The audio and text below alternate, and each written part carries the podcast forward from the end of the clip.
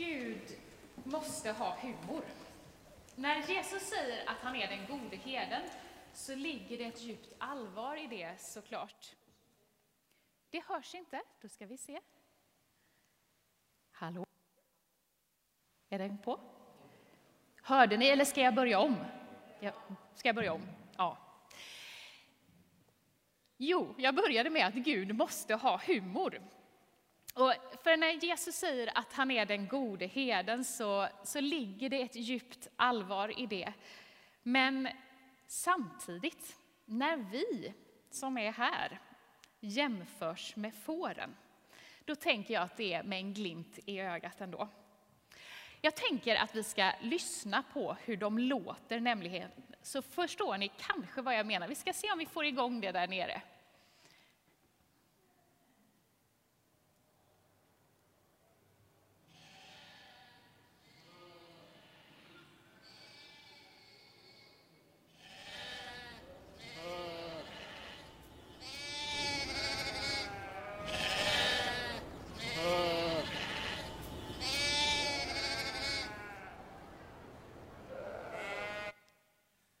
Jag tror ni får en liten idé.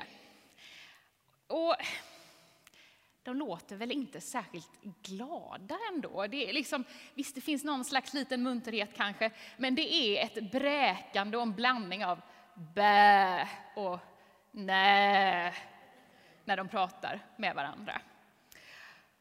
Och det var Caroline, församlingens socionom, som gjorde mig uppmärksam på hur de låter egentligen.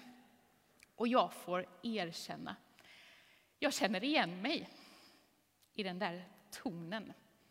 Nej, det finns något motvilligt i mig som inte riktigt tycker att det är helt bra. Som bara vill säga nej. Nej, det här blev inte helt bra. Nej, det här var orättvist. Varför fick han och inte jag? Nej, Måste vi det? Jag orkar inte idag. Evolutionärt så är vi skapade, som ni säkert har hört förut, att fästa oss vid det som är negativt, vid bristen vid det livsfarliga. För när vi gör det så glömmer vi inte bort det som hotar vårt liv. Vi överlever. Det är så vi har överlevt. Och nyheter om det negativa säljer därför fler lösblad än om det positiva. Det är därför oftast otacksamt att göra det man ska, göra det som förväntas av en, snarare än att dras med i den negativa spiralen. Därför att det blir liksom inte uppmärksammat på samma sätt här i världen. Och samtidigt så tror jag att det inte finns en enda människa som inte längtar efter att allt bara ska få bli bra. En av världens mest lästa och älskade bibelverser det är Saltaren 23. Och den slår snabbt fast att Herren är min herde, ingenting ska fattas mig. Vad betyder det att ingenting ska fattas mig? Är det ett ständigt överflöd där det inte är någon hejd på vad jag ska få av rikedomar, prylar, tillväxt. Allt jag kan tänkas önska, det önskar jag och vips så har jag det. Varenda begär jag har, både det jag behöver och vill höver. Det vill säga, det som jag tänker att jag behöver just därför att jag vill ha det. Allt det kommer Gud magiskt att trolla fram till mig. Det blir mitt. Helt ärligt så tror jag inte alls att det är så Gud jobbar. Vi i vår tid, vi ser konsekvenserna av ett sådant beteende. Till slut kan det inte växa mer. Det utarmas istället, förbrukas. Så varför är vi inte nöjda med att bara få det vi behöver? Varför vill vi ha mer? Kanske hänger det ihop med det där som Bibeln beskriver som den första ursprungliga synden. Den kan tyckas liten. Det där första tvivlet. Det när Eva där i paradiset lyssnade på ormen och för ett ögonblick lämnade det som dittills hade varit hela tillvarons sanning. Att Gud är god och ger alldeles tillräckligt, mer därtill. Men det där lilla ögonblicket av att gunga till, tvivla på Guds välvilja, sanning och kärlek, det var tillräckligt för henne så att hon bet i frukten. Som om Gud undanhöll människan något, inte till skydd utan av missundsamhet. Är det kanske fortfarande så när vi konsumerar mer än vi behöver? När jorden utarmas? När konflikter eller i värsta fall krig uppstår? Att vi liksom gungat till i tilliten att det vi har är tillräckligt. Att vi inte riktigt litar på att vi har det vi behöver utan att tillfredsställa varenda begär.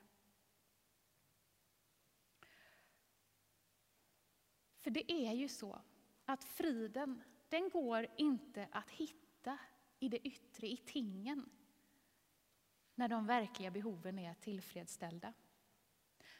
Så vad betyder då ingenting ska fattas mig?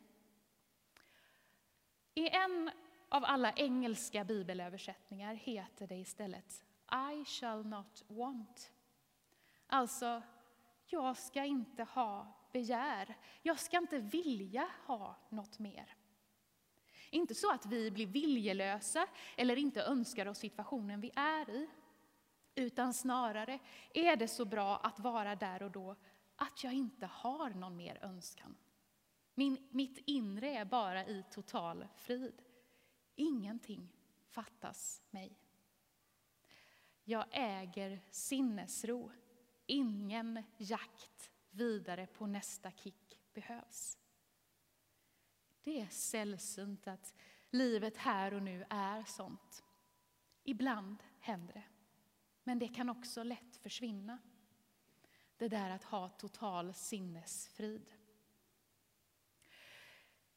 Det som jag tycker är spännande när man läser Saltaren 23, det är att när livet är så där bra, så att man har den där sinnesfriden, då beskrivs Gud utifrån, som Herren, i tredje person. Herren är min herde, han för mig vall, han leder mig på rätta vägar och så vidare. Det är som att vi kan tåla en distans då när livet är bra. Hjärtat är fullt av tacksamhet och självklarhet. Men så kommer vi till den mörkaste dalen.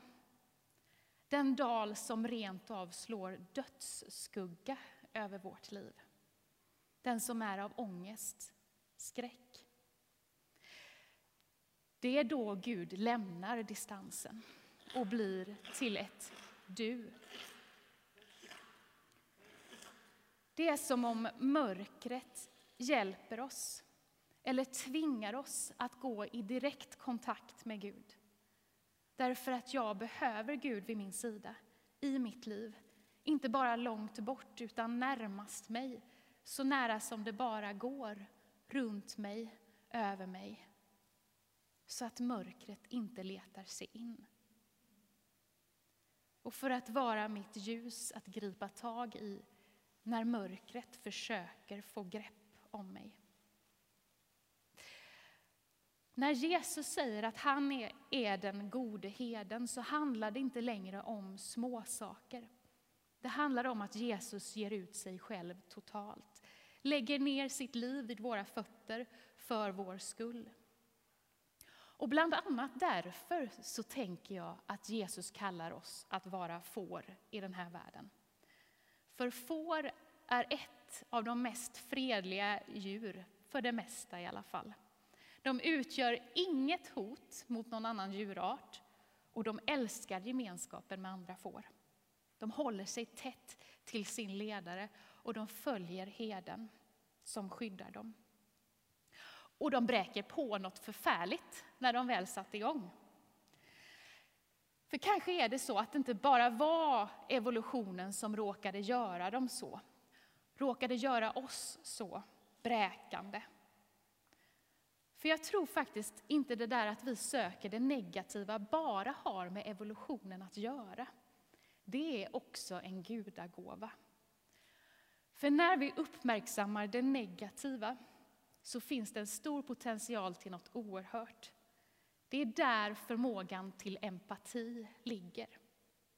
Vi söker inte bara det negativa för vår egen överlevnad. Den är till särskilt för andras skull. Och jag tänker att det är så Gud vill ha oss.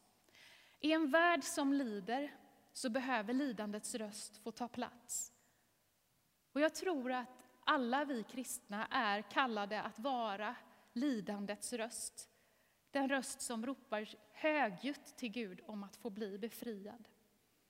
Den röst som vet vart den ska vända sig med hela livet.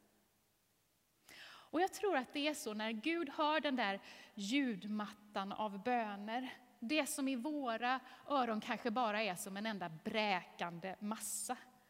Då kan Gud urskilja, inte bara vem det är som talar, utan också vad det är den där rösten vill säga.